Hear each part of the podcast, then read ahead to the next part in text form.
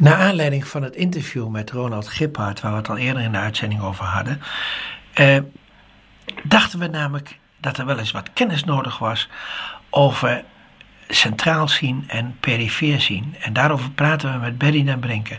Dag Berry. Dag Jors. Leuk om in je uitzending te zijn. Ja, nou leuk om jou weer in de uitzending te hebben. Uh, en we vallen maar direct met de, met de, met de deur in huis. Uh, jij, jij hebt een prachtig mooi boek geschreven. Uh, en het zicht op ruimte. En dan heb je een, een, een hele mooi schema gezet over centraal zien en perifeer zien. En toen, toen ik dat las, toen ben ik ook echt daarover na gaan denken wat nou het verschil was. Want het blijkt namelijk in de hele wereld van blinden en slechtzienden blijkt daar eigenlijk heel weinig aandacht aan besteed te worden. Dus de vraag is aan jou: wat is nou eigenlijk centraal zien en wat is nou perifeer zien? Um, ja, um, ik heb het uitgelegd uh, wat het uh, centraal zien betekent voor het waarnemen en het perifeer zien. Omdat heel veel mensen niet weten dat je ogen niet, geen foto's maken die er altijd even scherp uitzien. Maar dat je ogen... Je, je bedoelt een foto waarin elke plek uh, uh, uh, dezelfde scherpte heeft. Ja, en dat, dat is ook een, het is ook een illusie dat alles er scherp uitziet als je goede ogen hebt. Want overal waar je naar kijkt, zie je dingen scherp. Dus ja. wat je ook doet, je ziet het altijd scherp. Maar zo werkt het niet in de, in de hersenen. Je kunt namelijk maar per blik, oogwenk, maar een heel klein stukje scherp zien. Ja, dat is maar een heel klein stuk. Ik hoorde trouwens van een oogarts die zei van... Uh, als, als het hele oog was bedekt zoals de macula is... dan hadden we namelijk hersenen nodig die wel tien keer zo groot waren. Ja, dat klopt. Dat klopt. uh, maar er is nog meer hoor. Uh, het heeft...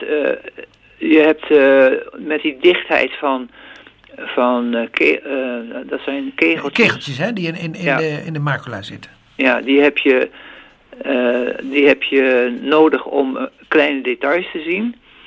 Maar in de, in de periferie zitten ook heel veel, heel veel kegeltjes en staafjes. Maar die zijn onderling verbonden.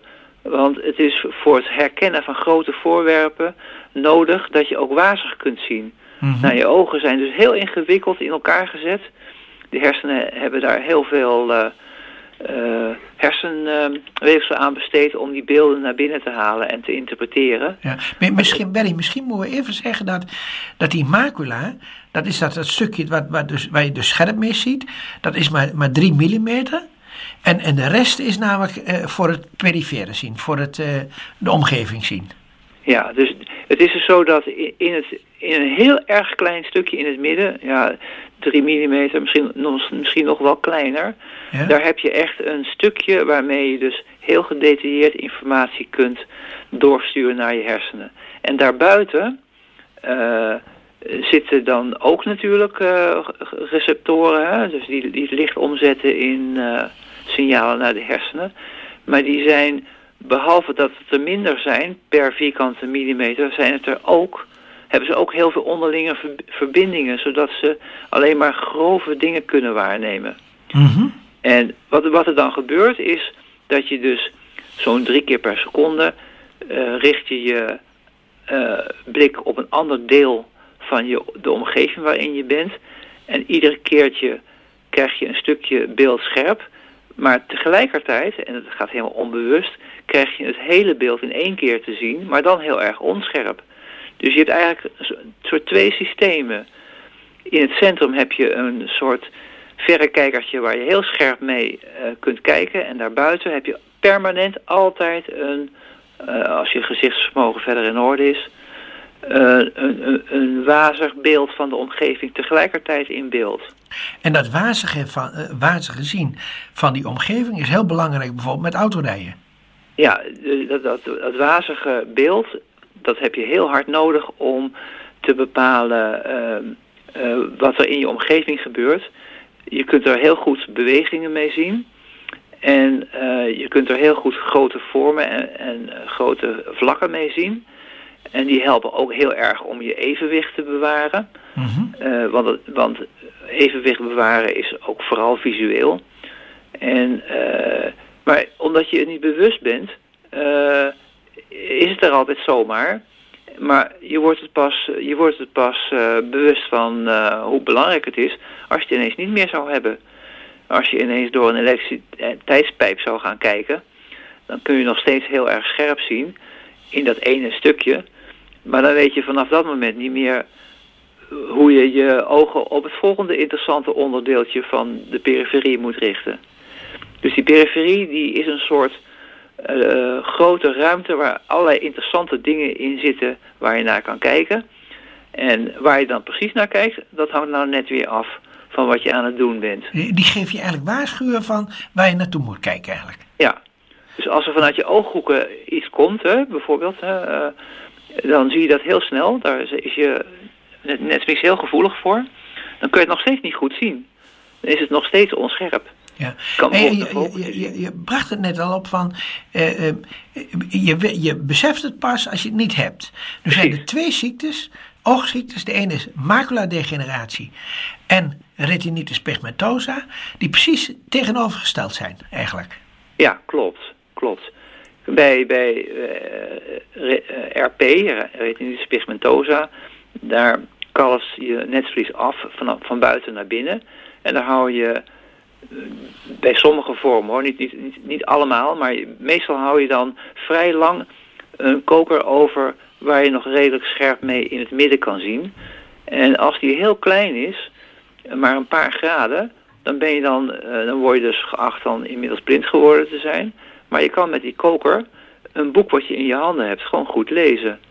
Ja, dat is die, die, dat is die, eh, die man die namelijk met, met, een, eh, met een blinde geleidestok eh, naar de trein loopt en gaat zitten en een boek pakt en gewoon een boek gaat lezen. Ja, precies.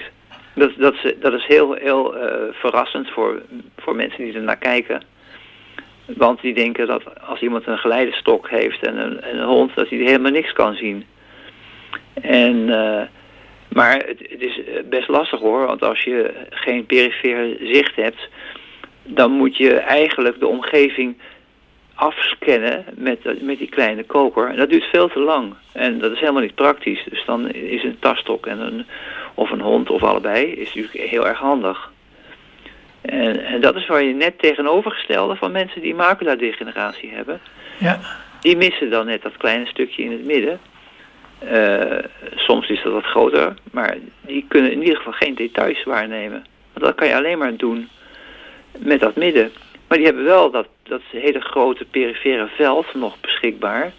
En daarin kunnen ze globaal wel eh, eh, vormen, silhouetten, eh, eh, verkeer waarnemen.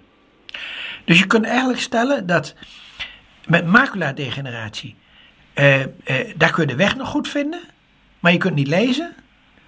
En met retinitis pigmentosa is het precies andersom. Ja, klopt. Maar dat, eh, dat wegvinden met maculadegeneratie, dat moet je wel een beetje ehm, relativeren. Want eh, in, eh, je kan in die periferie alleen maar dingen zijn, zien die een, grove vorm hebben. En die ook voldoende contrast hebben om in de periferie gezien te worden. En ja, in die modernistische gebouwen heb, komt het nog wel eens voor dat eh, de architect het leuk vindt dat alles wit moet zijn. Ja, en dan heb je wel een perifere gezi- zicht, maar dan kun je natuurlijk ook niks zien. Of heel weinig zien. Ja, dus, dus de, degene, eh, degene die maculadegeneratie nodig heeft, die heeft in feite eh, contrasterende kleuren nodig. Ja. Maar kijk, dat, dat, die heeft nou contrasterende helderheid, hè? Hel- Helderheid, oké. helderheid. ja. Want rood en groen, als je een beetje kleurenblind bent, is ook wel lastig te- van elkaar te onderscheiden. Dus eh, het is heel erg belangrijk dat je in je periferie eh, licht-donker contrasten goed kunt zien. Maar dat geldt voor iedereen, hè?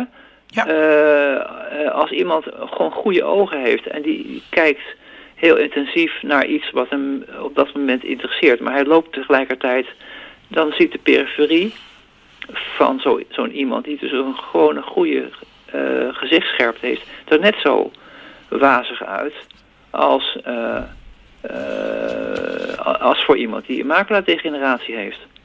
En dat verklaart dan bijvoorbeeld waarom tegenwoordig, dat hoor je nog wel vaak, uh, fietsers aan het fietsen zijn. Dan kijken ze op hun mobieltje. Nou, dan kijken ze dus niet naar de periferie van een gezichtsveld, want ze kijken op het mobieltje. Ja. En die periferie ziet er natuurlijk net zo wazig uit als voor mij als ik fiets. Ja, exact. En als er dan een paaltje staat en die heeft dezelfde kleur als de, als de grond, een betonnen paaltje op een betonnen weg, ja, dan zie je hem niet. Nou, eh, maar nu eens even over, over de, eh, want oogmetingen, die worden meestal gedaan eh, op basis van het scherpe zien. Eh, maar kun je nou ook, eh, want dat zou je toch eigenlijk moeten doen, je zou toch eigenlijk ook de periferie moeten kunnen meten? Ja, dat kan wel, maar dat is heel, dat is, dat is heel veel werk. Je, oh, gaat ze geen zin aan? Ja, dat is hartstikke duur. Dat, nee, iedereen kent misschien wel die uh, testen waarbij je je hoofd steekt in een, in een witte koepel. Je moet je ogen concentreren op een kruisje in het midden en dan komt er van de zijkant af komt er een lampje aan. Dan moet je ja zeggen als je het ziet. Ja, nou, op die manier kan je het gezichtsveld uh, bepalen. Maar dan, maar dan bepaal je alleen wat je namelijk, uh, uh, dat je op bepaalde plekken in het gezichtsveld, in, in de retina, dus nog zicht hebt. Ja, dus waar dus, waar dus, dus kun je bepalen, kan de oogarts bepalen, waar de stukken zijn die namelijk weg zijn, waar, waar, je niks meer ja, ziet. Ja, klopt, klopt. En, en, bij sommige oogafwijkingen is het, ligt het iets ingewikkelder. Daar heb, bij glaucoom, als dat ver gevorderd is, en je hebt het niet opgemerkt en je hebt het laten gebeuren dat het zo ver gevorderd is, dan heb je her en der ook stukken die in de periferie die uitgevallen zijn. Nou ja, dat is best ingewikkeld om dat te meten. En uh, daar zijn ook weer andere methodes voor uh, bedacht om dat sneller te meten. Maar, maar sowieso is het meten van, de, van het peri perifere gezichtsveld, of de beperking daarvan, ja. is gewoon een klus in vergelijking met het meten van de oogscherpte. Ja, en, en plus, plus, dat, plus dat de hersenen, die stukken die weggevallen zijn, die, die, die gaat hij ook invullen. Ja, dat klopt.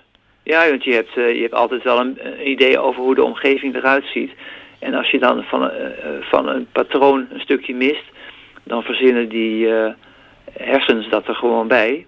Je hebt, je hebt nooit het idee dat, het, dat er stu gaten zitten in je gezichtsveld zelfs niet die blinde vlek die elk oog heeft. Precies. Dat is de plek waar de zenuwen... De zenuw erin komt. Ja, de zenuwen de, de oog verlaten naar de hersenen. Nou, met dat stukje, dat is best groot, uh, kan je geen, uh, geen, uh, geen waarnemingen doen. Maar omdat je ogen voortdurend verspringen... en omdat je een, een, idee hebt over wat je kan verwachten in die omgeving... Vult, vullen de hersenen dat gewoon ja. in. Maar, maar zouden we eigenlijk niet uh, uh, er naartoe moeten we dat we ook uh, naar hulpmiddelen gaan kijken van dat je dan gaat kijken van nou, wat zie je nog met in je omgeving, dus de periferie, en wat zie je centraal? Want het heeft wel degelijk te maken met de soort hulpmiddelen die je nodig hebt. Ja, het maakt heel erg veel uit. Ja, als je een normale gezichtsscherpte hebt en geen weinig perifere zicht, dan zitten de problemen vooral in de mobiliteitshoek. En, maar omgekeerd, als je makelaardegeneratie hebt, dat heb ik dan, dan kan ik geen details zien. En dan moet ik overal met mijn neus dichter op gaan zitten om details te kunnen waarnemen. Of, als dat niet genoeg is, een loop of uh, ja, laten voorlezen. Ja, ik, ik was trouwens nog, e-, nog even geïnteresseerd naar in, in van als je namelijk de, je, je, je zichtveld kwijt, of, eh, het scherpe zien, als je dat voornamelijk kwijt bent, dus met maculadegeneratie, ja. kun je dan ook optisch ervoor zorgen dat je in feite met een stukje van de, uh, uh, van de periferie eigenlijk wat scherper gaat zien. Nee, of dat gebruikt daarvoor. Nou, het enige, nou eigenlijk niet, hè, want uh, buiten de macula, waar je die beschadigingen dan hebt, is de gezichtsscherpte heel erg laag. Maar er is natuurlijk altijd wel het beste plekje. Hè? Ja, ja, ja. Uh, nee, maar ik kan me voorstellen dat, dat het gebied wat dat net om de macula heen zit, uh, dat je dan, dat gebruikt, gebruikt om nog, toch nog met vergroting te kunnen lezen. Ja, dat klopt, dat klopt.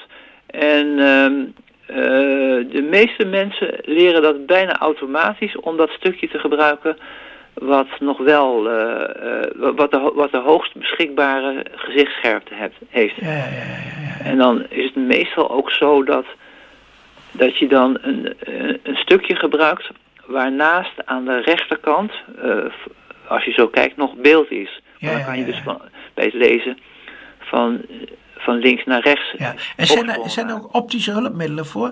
Om, om dat eh, met een bril bijvoorbeeld, dat je dat gaat, gaat bevorderen? Ja, die, de, de, er is wel eens een poging gedaan om eh, een bril te maken waarmee je rechtuit blijft kijken. Eh, dat, dat, dat is een bril waar dan prisma's in zitten. Ja? Die ervoor zorgen dat je ogen rechtuit staan, maar dat de projectie dan precies valt op dat stukje wat voor jou dan nog het beste is van je netvlies om te lezen. Oké, ik, ik Maar geloof dat, beetje, dat heeft een nadeel, want als je zo'n bril op en af zet, dan moet je iedere keer vrij lang wennen aan het beeld wat eh, verschoven is. Oh, en dan, dan, dan moeten je hersenen eraan wennen weer. Ja, ja, daar zijn al heel lang geleden proeven over gedaan. Ja. Eh, we, we- we gaan daar niet verder op in, eh Barry. met een bril te want- kijken want waar dit- ondersteboven staat. Maar dat duurt best lang. Ja. En als je dan zo'n bril weer op en af moet zetten, omdat je bijvoorbeeld een loop wil gebruiken, ja, dan eh, moet je dat hele gewenningsproces er weer doorlopen. Ja. Nou, dat kun je maar beter, be- beter maar niet doen. Eh, Barry, ik, ik wil je hartelijk danken voor de uitleg. Want, ik, want we hebben gemerkt dat dat broodnodig is dat hier verder uitleg over komt. Mag ik je hartelijk danken voor dit interview. Graag gedaan. Oké, dag. veel succes met de uitzending. Ja, dag.